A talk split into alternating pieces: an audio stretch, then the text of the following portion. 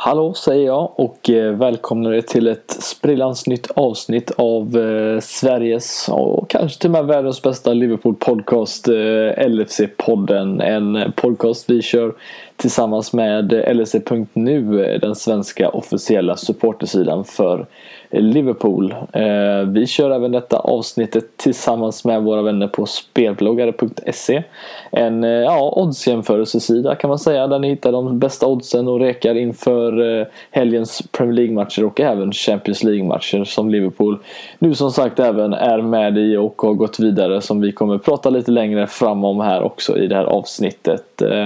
Jag skulle även vilja passa på att Eh, ja, nämna lite i alla fall att vi finns även på podmi.com från, från och med nu några veckor sedan tillbaka. Och eh, som sagt för 19 kronor i månaden kan ni ta del av lite premiumavsnitt som vi har lagt upp och kommer lägga upp därefter. Eh, det är såklart gratis första månaden så där man kan testa på och känna lite hur det känns. Men eh, vi har redan startat igång och kört lite avsnitt här nu som eh, har varit riktigt roliga att spela in. Så att eh, tycker ni det känns värt så gå in och testa på i alla fall en månad och se vad ni tycker. Så hoppas vi att ni stannar kvar även där. Eh, men med de orden sagt så startar vi kvällens avsnitt.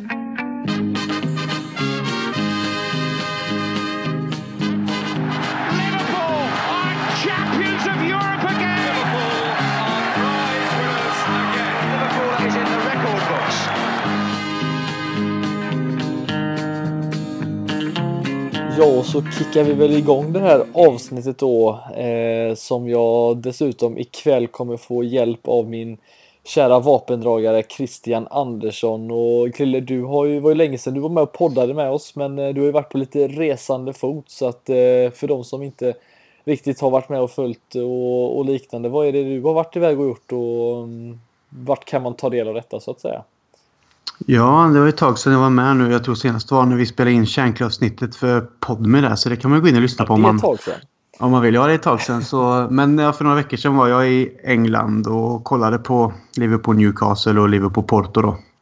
Eh, den andra matchen i ordningen var väl kanske inte den mest spännande tillställningen. Men eh, ja, det var ju några dagar i England och jag var och hälsade på lite kompisar i Stoke från den tiden. Och så var jag i Liverpool i, i några dagar också och hade äran att få både besöka och gästa Danfield Rap i deras studio, deras kontor nere vid eh, ligger nere i hamnen där. För de som vet det, vid, vid museumet, inte långt från The Pump House och allt det här.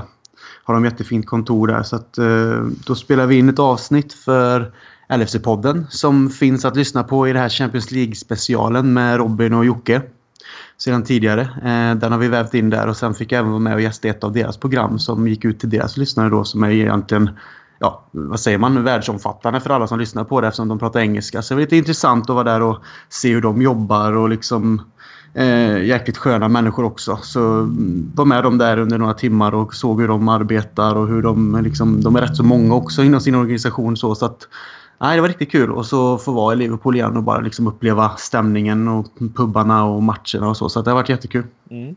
Vad, vad, skulle du säga att uh, gör de annorlunda jämfört med, med oss? Vi som ändå poddkollegor får vi kalla dem.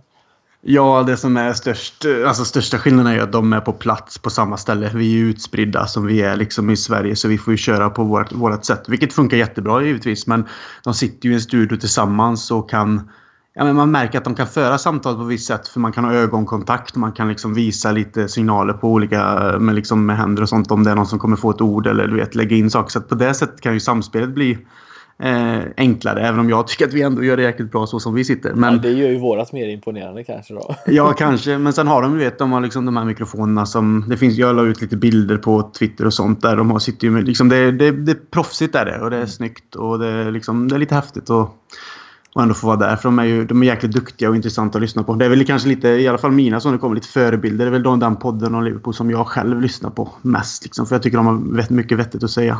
Mm. Och, och, en vinst fick du ta med dig dessutom. Ja, precis. Newcastle-matchen var ju viktig på det sättet som det var i Premier League och det var tre poäng och det var Benitis återkomst och allt det där. Så det var ju... Jag fick även göra min debut på main stand. Mm. Jag har väl stått eller suttit där tidigare. Men jag har ju alltid haft mina platser på The Cop under de åren som jag bodde där. var inte ofta jag var på andra sektioner. Men jag var på mainstand nu och väldigt, väldigt högt upp. Och häftig utsikt men det var fruktansvärt kallt. och Ja, men lite tyvärr ska jag säga lite dött också. Alltså mm. just för att det var den känslan just att du satt väldigt högt och långt ifrån. Så att även om det var grymt att vara så högt upp så var det också lite... Du kände dig lite frånvarande av matchen vilket jag kan tycka då är lite tråkigt. Men eh, vi behöver få in folk och vi ska inte klaga utan det var, det var bra ändå. Ja, det är fantastiskt. Alltid lika kul att vara i Liverpool men det är klart vädret kunde väl varit lite bättre. Ja, jag fick, jag fick uppleva brittisk eh, vinter, vår och sommar under samma vecka där. Så att... ja, det är fantastiskt. Mm.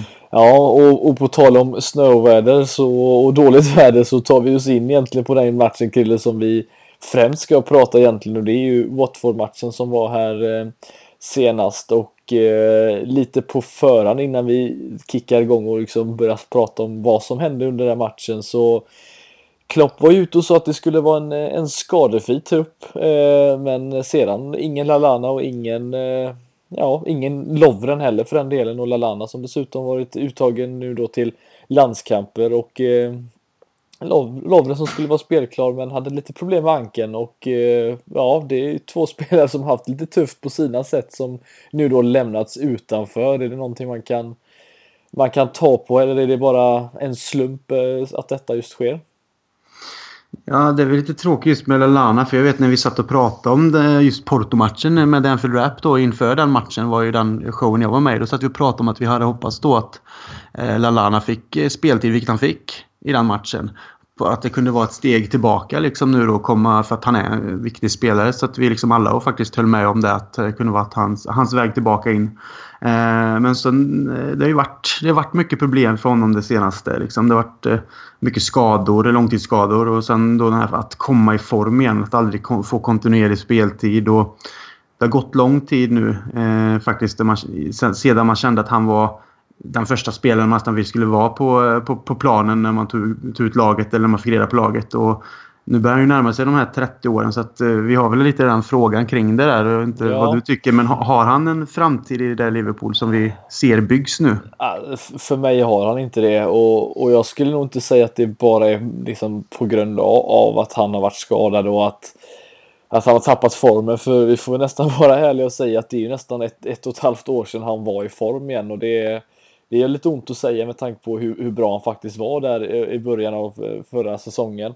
Eh, vilket, eh, ja som du säger, då var han väl kanske inte först på planen att sättas på plan, men han var bland de första i alla fall i Klopps eh, unika pressspel som han implementerat. Och eh, ja, det kollar man på det Liverpool som var då kontra det vi spelar, som spelar idag så är det ju två helt olika Liverpool, dessutom två olika det är mycket mer possession nu än vad det har varit tidigare. Eh, och nej, jag, jag har bara svårt att se hur han ska kunna ta sig in här. Och vi har ju en Navi här som är på väg in. Det har ju ryktats idag och eh, även igår tror jag lite om Ndidi från Leicester. Så att mycket mittfältspelare, mittfältspelare och jag har svårt att se hur Lalana ska kunna slå sig in där. För som du säger, han är snart 30 och eh, nej, jag jag tycker det är tråkigt. Eh, jag vet inte om han kan vara en breddspelare ytterligare ett år till, men sen därefter så tror jag att det tyvärr är slutet för karriären för honom. Ja, inte som fotbollsspelare, men i Liverpool i alla fall.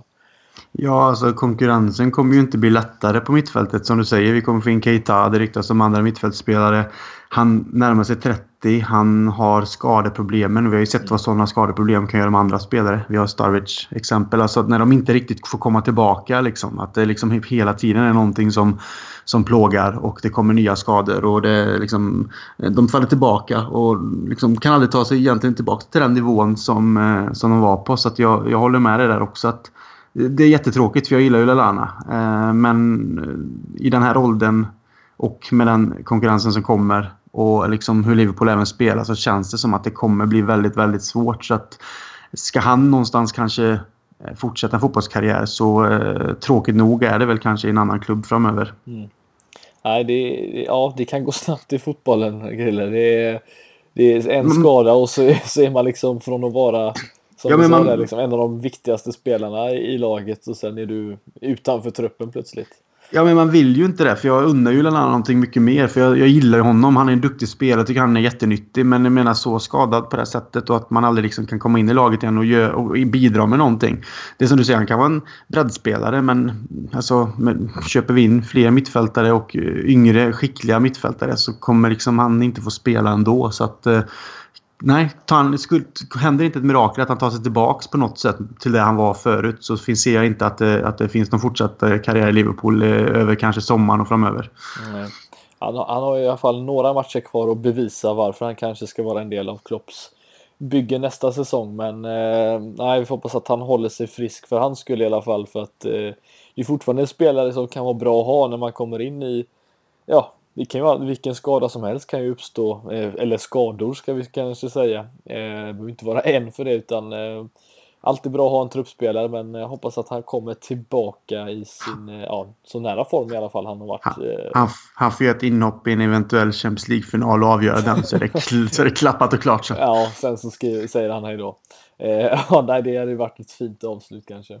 Eh, men eh, den andra spelaren då Krille, eh, Lovren, han har vi ju pratat desto mer om eh, den här säsongen och eh, Ja, vi hade den här Spurs-matchen på, på Wembley där han eh, blev utbytt efter 30 minuter och sedan var han faktiskt inte med och spelade mot Huddersfield eh, i ja, omgången därefter och eh, mot United hade han ju en, återigen en mindre lyckad match mot ett storlag och ja, spelar heller inte nu mot Watford så är det något mönster i detta nu för han skulle ju som sagt inte egentligen vara skadad enligt Klopp men sen så hade han lite problem och nu sitter han utanför ändå så finns det någonting att läsa av detta?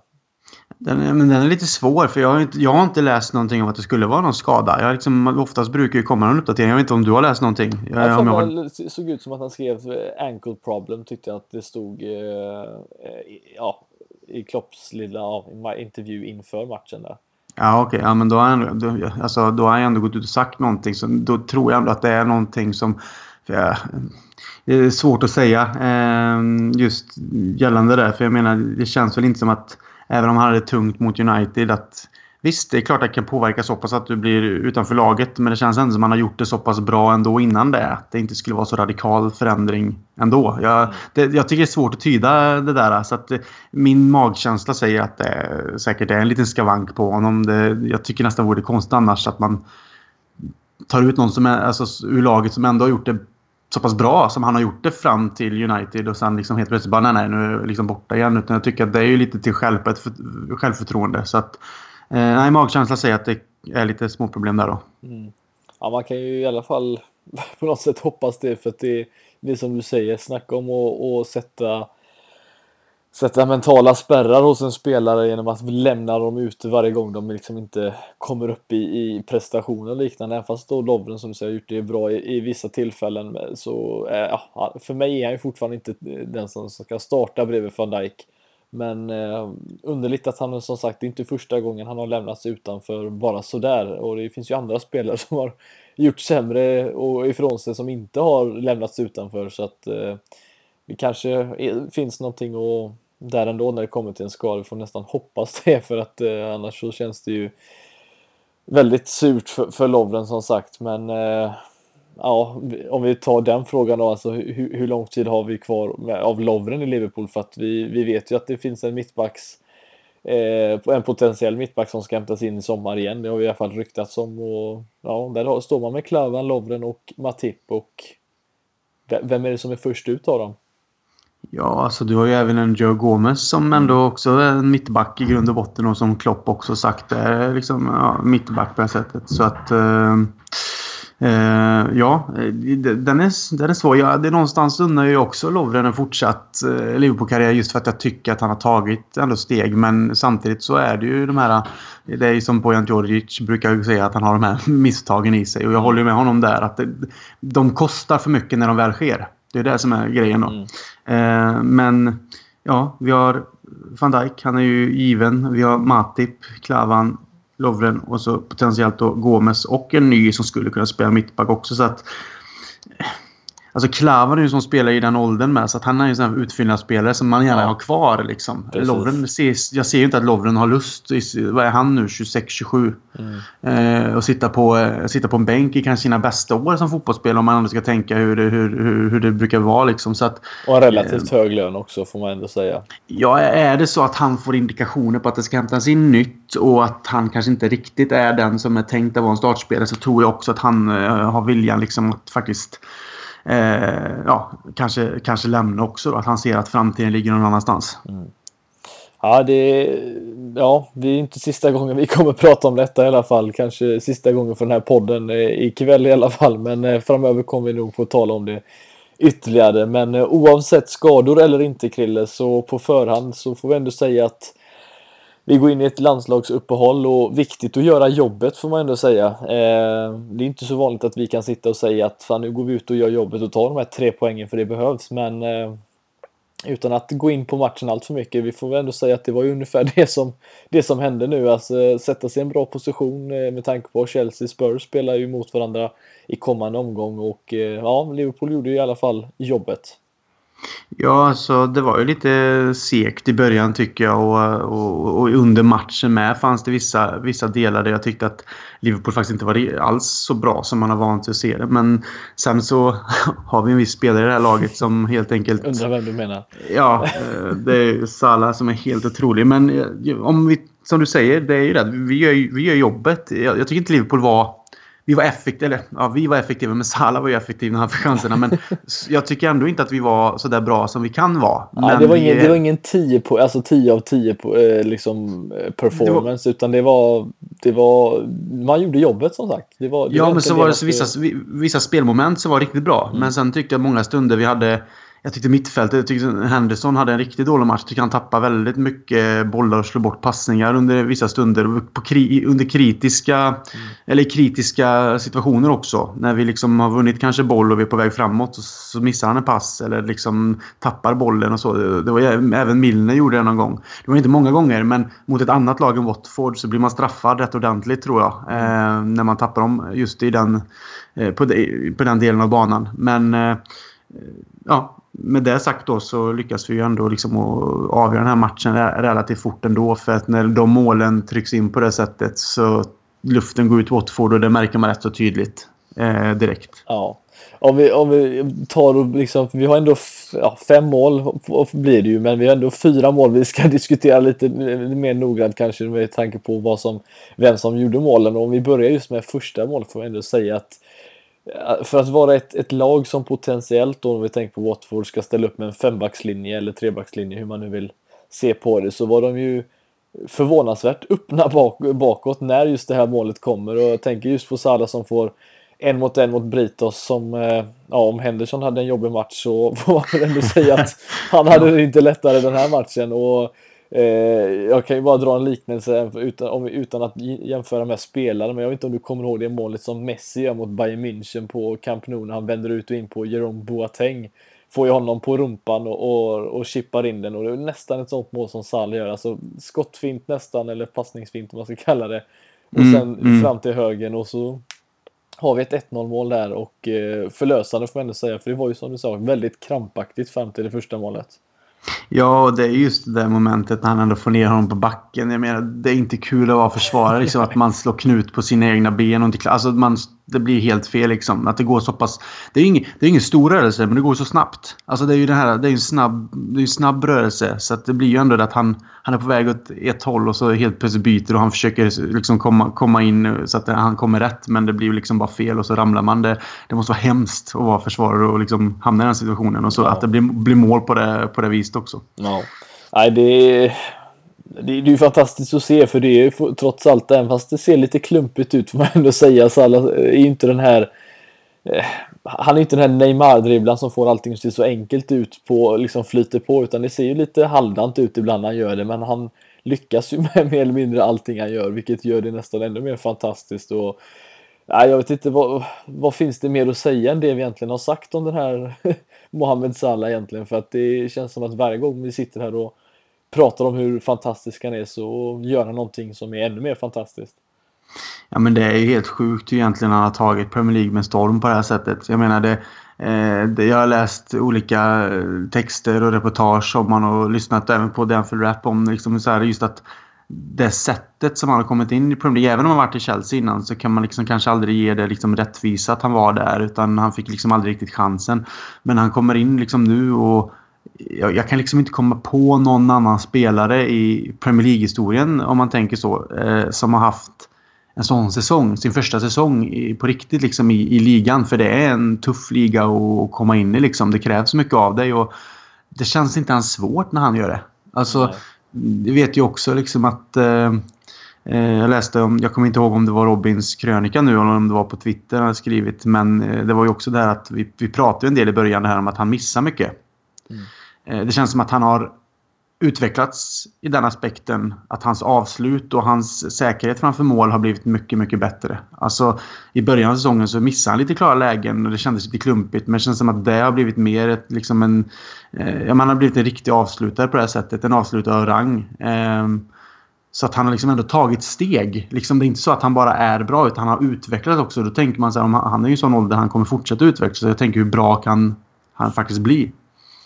Eh, ja, det, jag... Frågan är vad hans tak är riktigt. Ja. Alltså det är som du säger, han har det, det, det, är lätt att glömma bort det, men som du säger, han har ju faktiskt utvecklats under säsongen. Han har inte bara kommit in och varit bra från början, utan han har blivit bättre med säsongens tid. Och som du, ja, alltså han, han har ju hittat, hittat liksom avslut som är just som den här liksom kliniska avslutaren, även fast kanske hans första mål inte riktigt var det eh, med högerfoten där, så är det inte så att han, han får in dem, han han gör det han ska göra och eh, han har som sagt förbättrat det eh, från säsongens start. Det är ju fantastiskt att se att det inte bara är bra från början utan faktiskt blir mycket bättre därefter och man undrar ju som sagt hur, hur bra han faktiskt kommer att kunna bli och, och kommer han kunna göra ännu fler mål än det han faktiskt har gjort nu för att som du säger, han har missat en del lägen i början men han har väl på något sätt eller om du håller med mig i alla fall, han har nästan tagit vara på dem och eh, liksom, ja, gått tillbaka från att han de missade chanserna han nu tagit vara på nu i slutet istället. Ja, och det, det otroliga som jag är, liksom, tycker att vi, vi, kö, vi köpte ju ändå honom som liksom en, en, en, spelare som kommer bidra med poäng och mål. Han bevisar ju ändå det i Roma, att han kan göra många mål och, och många assist. Men att han skulle vara en sån dödlig avslutare, alltså en riktig målgörare. Det, liksom, det trodde man ju inte heller riktigt. Och det, det var också något jag läste i en artikel, nu kommer jag inte ihåg, det var en engelsk eh, Eh, kommer inte ihåg hans namn bara för det. Strunt samma. Men de läste, eh, jag läste det att eh, Klopp hade sagt att vi, de köpte ju honom liksom för att vara lite mer av en kantspelare. Men att de upptäckte sen när de fick se honom i träning varje dag att han kunde bidra med så mycket mer när han kommer in lite mer i banan. Han utgår från kanten men kommer in lite mer i banan och liksom att han hade andra attribut som de skulle kunna använda som var liksom dödliga på det sättet. Och det bevisar han ju nu och det här bevisar också Klopps smarthet i det. Att, att de har liksom de har en tanke bakom det och han gör ju bara mål på mål på mål på mål. Så att Ja, jag, jag, vet inte. Det finns ju inga mer superlativ att använda på honom. Utan han är ju den största faraon av dem alla genom alla tider. Liksom. Ja, jag får ju faktiskt säga det. Och det var, men han eh, nöjde sig i alla fall inte med ett mål i, i första halvlek. Utan eh, två mål fick han i alla fall avsluta den första halvlek med. Och ett, eh, ja, får man säga, ett fantastiskt underbart mål får man ändå säga också med Robertson, man är inblandat i första hand. Men jag tänker framförallt på Robertsons mm. inspel till Salah. Och om, om Salah liksom är säsongens värvning så kan ju inte Andrew Robertson vara långt därifrån Krille med tanke på den utväxlingen han har haft sen han ja, hade svårt att ta sig in i början av säsongen men eh, därefter har ja, tagit ordentliga kliv framåt rätt i karriären. Ja, ja, jag ser inte att det finns många vänsterbackar i Premier League som är bättre för stunden. Har alltså, han... Som du på rak arm känner så att det här är, han är bättre? Nej, inte rakt av just nu liksom. Alltså ingen Annars som jag ser för... Overall om, i form? Vad sa du? Om, du? om du tänker overall, om vi inte pratar just form nu då. Om det, finns det någon som du känner att det här är, han är bättre på alla sätt och vis, men just nu är Robertson bättre? Inte på rak arm, för att när jag ser Robertson spela det sättet. Alltså det känns som att han har det som du säger med att han kommer till Liverpool så i början av säsongen. Han får inte riktigt chansen för Moreno har spelat bra på försäsongen och ändå någonstans kommit tillbaka från att ha varit eh, eh, liksom utanför laget tidigare. Men sen när han skadade sig och Robertson får chansen. Han har ju liksom inte tittat bakåt sen dess. Mm. han, och han blir ju nästan lite av en kultfigur efter den här eh, pressruschen mot City. Och sen har han ju bara fortsatt, fortsatt. Och man märker att hans, både utvecklingen som han har fått och självförtroendet han har fått av att han har stödet från publiken, från managern och allt det där. Jag menar, han är också ung, 23, 24 något sånt där. Kanske yngre, jag vet inte. Men vi ligger väl runt där. Mm. Och det är också det. Fortsätter han på det här sättet liksom, så har vi en, alltså en vänsterback som kommer att hålla i många, många, många år. Han, han är otroligt duktig och bra med bollen. Han är bra försvarsmässigt. Det är någonting jag tycker han liksom har varit bra på hela tiden, men jag tycker han har utvecklat. Och offensivt är han ju väldigt bra. Han är snabb, bättre, han är liksom aggressiv. Så att, han är ju precis en sån modern vänsterback som man, som man vill ha. Ja, så att det är helt otroligt. Och, och att oh, man får inte glömma heller, jag vet inte om du har läst det han gjorde när han skickade en, en tröja till ett fan och han skickar Roberto Firminos tröja. För han säger att du vill inte ha en vänsterbacks tröja, du vill ha den här tröjan istället. Bara en sån grej är ju helt fantastiskt av honom också. Han är, verkar ju vara en underbar karaktär eh, dessutom. Men eh, Eh, framförallt som du säger just det med defensiven får jag ändå säga, för det har vi ju inte varit bortskämda med Moreno kanske hela tiden, men han känns som att han ofta ligger rätt i position. Han, eh, han beter sig som en vänsterback ska göra eh, och dessutom följer han med upp och står för de här fantastiska inspelen som nu då resulterade i ett 2-0 mål och eh, Nej, han, han går ju lite i skuggan av Salah den här säsongen får man ändå säga, men eh, vilket jäkla köp får jag ändå säga. Det är ett med tanke på att det var ett byte nästan rakt av med Kevin Stewart rent prismässigt så får vi ändå säga att det här har Liverpool gjort eh, riktigt, riktigt bra och kanske även fått andra fans som kanske såg ner lite på den här värvningen för att han inte kostar mer än 8 miljoner pund. Eh, att det finns faktiskt eh, att få ut av spelare som inte kostar 75 miljoner pund. Nej, precis. Det är helt... Eh, ja, det är helt sjukt att vi lyckas ändå värva någon. Alltså, de pengarna på något sätt som man tänker liksom där och då känner man ja men det är inte mycket i dagens fotboll men vilken slags, slags spelare är det vi ändå ändå får. Och så eh, ser man nu liksom helt plötsligt så har ju hans värde ökat också otroligt mycket. Eh, precis som man kan prata om Salah var ett rån också. Om man ser till ja, Jag läste, ja. läste något kul där också om att, att Liverpool fick nästan skicka något eh, meddelande och be om ursäkt till Roma för att man har liksom rånat dem. ja, nej, det, det får man ändå säga att det är en låg summa i dagens fotboll sett till vad vi har fått ut honom. Men eh, jag tror heller inte Krille att det var någon som på förhand riktigt trodde att Salah skulle stå för det här poängsnittet som han ändå har och eh, de här antal målen för att det är ju, det är ju rekord efter rekord mer eller mindre och kommer vi inte just i den här andra halvleken så gör han ju ytterligare två mål och en assist dessutom. Eh, så att det är ju helt fantastiskt och kollar man, eh, så han är alltså nu den första egyptiern att eh, göra ett hattrick i Premier League, bara en sån grej Krille. Ja. Eh, och dessutom den första spelaren att göra fyra mål på fyra skott sedan Arshavin mot just Liverpool. Eh, också mm. ganska bra conversion rate på det hela. Och mm. dessutom nu då Slott Torres eh, debutsäsong i antal gjorda mål i sin debutsäsong för Liverpool eh, som han gjorde 07-08. Så att ja, det är, det är bara att bara liksom ge hatten för att det här eh, hoppas vi fortsätter ytterligare längre fram. Ja, han har ju alla möjliga... Alltså han har alla möjligheter att slå... Eh, vad blir det? Det är väl som Premier League-rekorden där med Shearer, mm. eh, Ronaldo och... Vem är det mer? Det är någon mer. Nu står det still. Det är Van Nistelrooy som ligger rätt bra till tror jag i sin debutsäsong. Eller han kanske ja. har slått honom. Nej, men jag, ja, det tror jag. Jag tror jag tänker mest, mest i Premier League. Ja. När de, för jag vet att Shearer 94-95 när det var 42 omgångar någonting så hade Eh, han och Andy Cole högre. Men ja. jag tror att de ligger på 34 nu mm. när, sen, sedan de, eh, det är färre omgångar. Och, och eh, då tror jag att de delar är Ronaldo, Shearer och det någon mer som jag inte kommer på nu. jag läste det i alla fall men jag har glömt av namnet. Skitsamma. Mm. Men det är ju det att han, han har ju ändå möjligheten att faktiskt bli kanske Premier Leagues bästa målskytt någonsin. Liksom. Mm. och det är under en debutsäsong. För jag, vi ska ändå möta, liksom, har, med all respekt, men vi har Bournemouth hemma. Vi har, liksom, vi har ett rätt så enkelt spelschema sen efter derby och sådana saker när man tittar på det. Mm. Eh, det finns ju alla möjligheter i de matcherna att, att han kan trycka in en, två, tre bollar till med så som Liverpool spelar och att han har det här självförtroendet och formen han har. Så att det är väl kul att bara hålla tummarna att han fast fortsätter de slå de här rekord efter rekord. För att eh, det är kul att ha en, otroligt kul ska man säga att ha en sån spel i Liverpool. Ja, för, för kollar man eh, Mohamed Salah 2018 så gör han alltså mål eller assist var 63 minut. Det är alltså nästan varje timme gör han liksom en poäng, vilket är mm. eh, det är absurt bra alltså. Det, nej, det som du säger, superlativ, det, det finns inte så mycket mer att säga utan det är bara att, att njuta av, av den här spelaren. Eh, men samtidigt så är det ju så här, det intressanta med honom är ju att han är inte den här, om vi jämför med då den andra stjärnan som vi hade som vi sålde nu i januari, alltså Coutinho, han,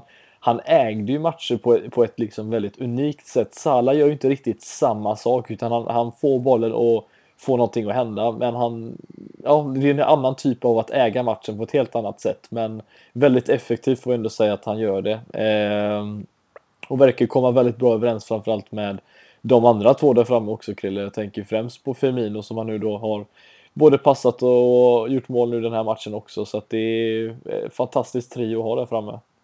Ja, och det målet som Firmino gör är också ett mål av eh, klass. Liksom det, det är ännu ett, eh, heter det, ett mål där han inte tittar. Var det meningen tror du då? Ja, nej det tror jag väl inte. Men det, det ska ju ändå räknas in där. Ja, det räknas. uh, för att det är, det är, ett avslut också som är... Alltså, någonstans så är det liksom bara på en känsla han gör det. Och han liksom, det, man ser nästan det i det sätt han gör det. Att han, mm. han får bollen också så pass långt ifrån målvakten med den touchen. Även om han får in den i mål. Så det är liksom bara det tycker jag är grymt gjort att han gör det och att han får in bollen på det här sättet. Och sen Salah också ska ju ha ytterligare beröm för att han springer ner och tar den här bollen. Han är så snabb innan den går ut. För man märker mm. att Watford-backen tror ju nästan att den kommer in och ut. Men med en sån som Salah på språng så kan du inte ge honom dem, eh, det utrymmet. Liksom. Det, det, går inte. Så att, inte om man heter Britos. Nej, och sen så är det liksom... Eh, Firminos, Firmino får inte glömma och berömma honom. Alltså, hade vi inte haft Salah eh, i laget så hade ju Firmino varit den eh, stora spelaren den här säsongen. Han är ju fortfarande en stor spelare den här mm. säsongen men han, det är såklart, han överskuggas ju lite av Salah här. Men eh, han ligger väl på 23, 22, 23, 23 mål. Och jag menar, det är hans bästa målsäsong någonsin under sin karriär. Så han upplever också sin livs bästa säsong. Eh, och det är ju också en grej man måste tänka på i det här liksom att eh, han är heller inte liksom gammal och utvecklas hela tiden och det sättet han spelar på. Han, ja, hade det inte varit för Salah så skulle man nästan kunna sätta eh, Bobby Firmino som jag vet inte, också en av de bästa spelarna mm. som vi haft under de senaste 5-10 åren. Mm, sett vad han bidrar med. Det är helt, det är helt sjukt också den utvecklingen. Ja, nej det är, det är sant. Det är en spelare man man under, jag ska inte säga att man underskattar, för det ordet kanske man ska tala om eh, när man pratar om Firmino, men det är fortfarande så att det är en sån som gör väldigt mycket av, eh, av de viktiga grejerna i det tysta, liksom vinner tillbaka bollen, drar sällan på sig frisparkar när han gör det dessutom, så att han är ju en unik spelare eh, på det sättet och eh, nej, men om inte lika viktig så är han i alla fall eh, viktigare än vad, vad Salah är sett till eh, hur mycket han presterar på hela, i hela banan så att eh, alldeles fantastiskt att se Krille. Eh, men en annan lite rolig grej som jag tycker vi borde nämna det är ju framförallt att eh, Danny Ings får ett inhopp i matchen och eh, gör ett förvånansvärt pikt inhopp får jag ändå säga. Eh, jag vet att han har varit skadad och fått, han har ju spelat en hel del med ja, U23 och liknande och eh, gjort sig bra ifrån där. Men eh, varje gång han har hoppat in nu så känns det som att han har i alla fall velat bevisa någonting. Han har sprungit, han har kämpat på och eh, kommit till några trevliga lägen. Eh, vad, vad har vi att säga om Dennings? Vart står han idag? Ja, det är ju lite, det är lite det är svårt det också.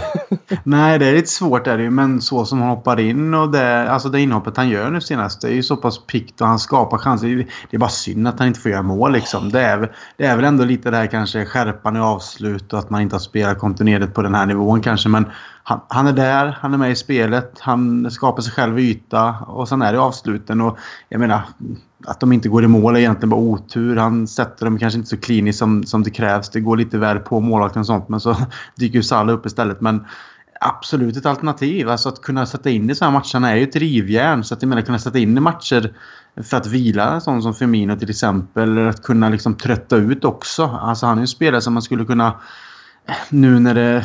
Jag vet inte riktigt hur det kommer att se ut men när vi har Champions League så har vi derby däremellan. Han är ju faktiskt en spelare om han är i så pass form och, och har den orken att han skulle egentligen kunna, kunna spela i ett Merseyside-derby bara för att han har den mm. slitiga spelstilen för att kanske spara till eventuella Alltså beroende på hur saker och ting går i Champions League såklart. Men för att kunna eh, ja, liksom rulla lite på truppen helt enkelt. Så mm. absolut, kan han bidra med sådant så är han eh, jättenyttig. Mm.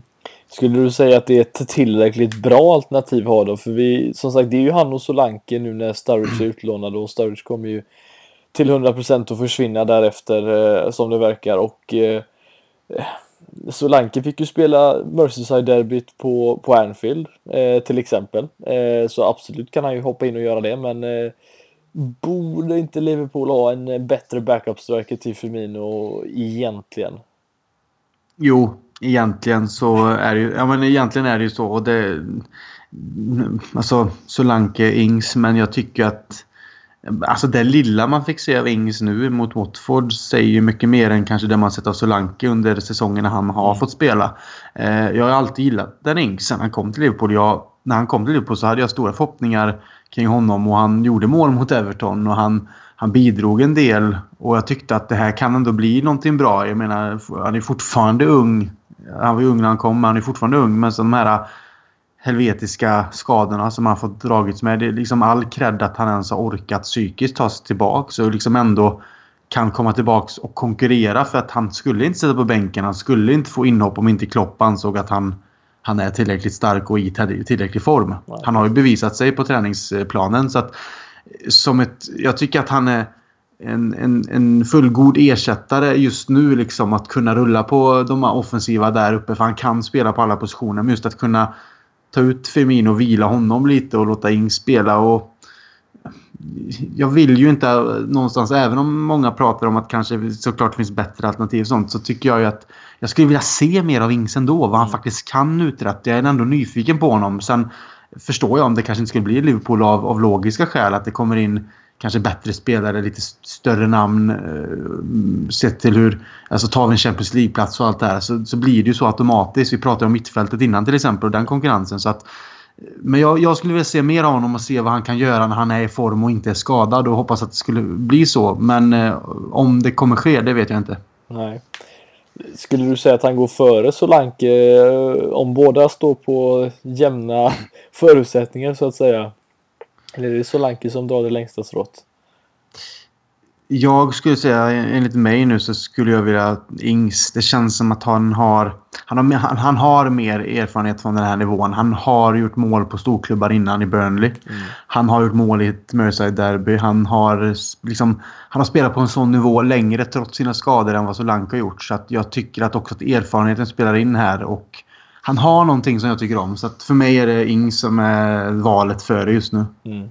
Ja, han, för, för mig har han, han har ett rörelsemönster som är, känns intressant. Eh, jag tänker framförallt på, på det läget som, som eh, då blir Salas fjärde mål framförallt då med den eh, det är väl, eh, jag kommer inte ihåg vem som slår bollen till Salah, men som på en touch egentligen slår den vidare till Ing som har just tagit en sån här liten båglöpning för att inte hamna offside. Precis. Eh, och, och, det är sånt som man liksom tycker om att se och tyvärr, visst, nu kanske vi inte ska prata allt för mycket om honom eftersom han inte spelar för Liverpool just nu, men det är ju någonting som Sturridge inte hade gjort om han hade varit där. Han hade inte legat och velat vara först på den löpningen. Han hade, han har inte tagit den löpningen överhuvudtaget och det är det som är så kul att se med Ings för att, ja, han kanske inte är världens bästa fotbollsspelare, men han han, är, han har någonting intressant och jag tror att vi kanske, som du säger, får se det i några matcher här nu om vi går vägen i Champions League framförallt. Eh, om vi har en chans inför andra mötet mot, mot City, då tror jag absolut att, eh, att vi kan få se honom i ett Merseyside-derby och det hade absolut inte varit fy skam att få in honom där för att eh, Ja, Firmino lär väl kanske vilas den matchen i så fall, men det kommer vara andra spelare som eh, kommer spela tillsammans med honom som säkert vill visa upp sig också så att eh, nej det kan, eh, kan bli kul att se vad han kan leverera och få gjort sitt, sitt mål kanske den här säsongen eh, sett till hur, hur eh, nära han har varit i alla fall. Ja, man undrar ju bara honom att... Alltså, jag, jag stod ju nästan upp och alltså, skrek för jag trodde att han gjorde mål ju. Båda gångerna. Bara för att jag undrar om jag undrar honom det. Sen skrek man ju ändå eftersom att han ja. gjorde målet. Men, men man undrar ju honom just det just för att han har haft den, den bakgrunden med skadorna. Det är inte alla som tas tillbaka på det sättet efter två sådana knäskador. På liksom, det var väl båda knäna också. Det var inte samma. Det var ju liksom båda. bara det liksom. Så att, eh, ja. Det är liksom... Han ska ha all cred för det jobbet och jag hoppas att han eh, förhoppningsvis får det fortsätta och att han får en chans i Liverpool. Om inte så hoppas jag att han får en, eh, en härlig karriär ändå liksom, om det skulle vara någon annanstans. För när någon går igenom ett sånt så kan man inte annat än missunna liksom, att de bara ska eh, få, få, få spela fotboll och ha det gött. Liksom. Nej, precis. Nej, vi, vi håller väl tummarna att Ings eh, tar sig tillbaka här och eh, får lite mer speltid och får göra sitt mål den här säsongen. Det, det tycker väl både du och jag och resten av alla Liverpool-fans också. Eh, Krille, nu är det ju det här landslagsuppehållet som vi har pratat om. Det är, det är framförallt ett landslagsuppehåll som inte betyder något. Eh, ja, det är fruktansvärt. Det är fruktansvärt tråkigt. Men eh, när vi snart är tillbaka i alla fall, då är det ju eh, Premier League och sen är det ju faktiskt Champions League som vi går in i och eh, lottningen eh, blev ju mot Manchester City. Kanske inte det laget man hade önskat riktigt, men eh, man ska ju damma av dem också. Eh, hur är liksom om man tar tempen lite på Christian Andersson här nu, vad, vad är känslan inför? När lottningen, när det drogs och allting, då sa du ju liksom allt var bara nej, nej, nej liksom. Men det har lagt sig lite nu och sen kanske ändå en liten optimism som någonstans säger att Ah, det kanske inte är så dåligt ändå. För Eh, visst, vi förlorade mot City borta med stora siffror men det var också efter att Mané blev utvisad. Innan det hände så hade vi liksom rätt så bra koll på den matchen och skapa lägen och så vidare. Vi körde över dem stort sett på hemmaplan innan vi började darra lite. Så vi vet ju att vi faktiskt kan stå upp mot dem. Det sättet de spelar på passar oss rätt så bra faktiskt. Så att, eh, kan vi höja oss i matchen mot dem så kanske inte City är det värsta motståndet egentligen. Det enda som jag kan tycka med det då är att det är lite tråkigt att det är ett engelskt lag. För jag hade ju hellre sett att det hade blivit ett roligt ut i Europa-äventyr. Det är något speciellt när man får, liksom, får se laget komma iväg på de här resorna och spela på andra arenor som är utanför England och sånt. Det är det som är lite Champions League. Sen att man måste möta de bästa lagen och City tillhör den skaran. Så är det ju. Men det hade kanske varit bättre och roligare senare eventuellt då. Men eh, ja, man måste slå alla. Så varför inte börja med att bara slå City ur Champions League. Ja, nej, vi har ju haft en, en hel del duster med Chelsea i Champions League-sammanhang eh, de under, ja, mellan vad blir det, 2004, 2005 och framåt i alla fall. Eh, framåt 09-10 där i alla fall. Som, ja, 08-09 var vi egentligen den sista gången vi mötte dem. Men det var ju några matcher däremellan. Eh, detta kanske blir det, det nya mötet, Liverpool-Manchester City framöver i Champions League. Det tackar man väl inte nej till visserligen. Nej, jag hade väl lite av, av personliga skäl så hade jag ju gärna sett Bayern München. Även om inte heller det mest optimala laget att möta. Men det är det att det går direktflyg från Norrköping till München. Så att, äh, jag hade tänkt att jag hade fått möta jag dem. Så hade kunnat, tänka. Ja, så hade jag kunnat tänka mig att bara, man kan nästintill promenera till flygplatsen och så bara flyga ner morgonen och så flyga hem dagen efter, sen efter matchen i så fall. Men ja, det kanske sker senare. Det och det gör inget. Då. ja, då kanske det blir varmt nere i München också. Ja, det är underbart. Nej, precis. Nej, nej men skämt åsido. Ja, nej absolut. Jag, jag bara tänker Liverpool Manchester City. Det har på två matcher blivit 15 mål mellan dem. Så att, eh, mm, ja, det, det, är kanske inte riktigt hur många mål det kommer bli i Champions League. Eller vem vet, men eh, inte bra för bortamålen om, om det skulle hända i alla fall. Det kan vi väl vara eh, säkra på. Men eh, nej, vi ska inte prata allt för mycket om detta. Det tycker jag att om ni är intresserade av att lyssna på det i alla fall så spelade vi som sagt Jocke och eh, Robin in ett eh, litet selavsnitt här när lottningen eh, skedde och eh, talar upp lite vad de känner och tänker lite inför eh, just Manchester City och Liverpools, ja, vad vi kan förvänta oss i alla fall i Champions League framöver. Så att är ni lite intresserade av det så är det ju Podmi som jag nämnde i början av avsnittet som ni kan gå in och testa på och eh, lyssna på. Även avsnittet Krille som du var med i där med The Anfield Rap. Så att eh, ett fullmatat avsnitt får vi ändå säga. Absolut. Eh, ja, vi känner väl att eh, om inte du har någonting annat och något superlativ för Salah och what, under Watford-matchen så eh, är det väl dags för oss att lägga på locket just här, precis som han gjorde där med sitt 5-0 mål. Så att eh, fram tills dess så får ni ha ett fruktansvärt fint landslagsuppehåll som eh, bara känns jobbigt att, att, nämna bara egentligen. Men eh, vi är i alla fall tillbaka här eh, när Crystal Palace står på andra sidan planen och ska vi prata lite om det och vad som kommer därefter. Och fram tills dess så får ha det så bra.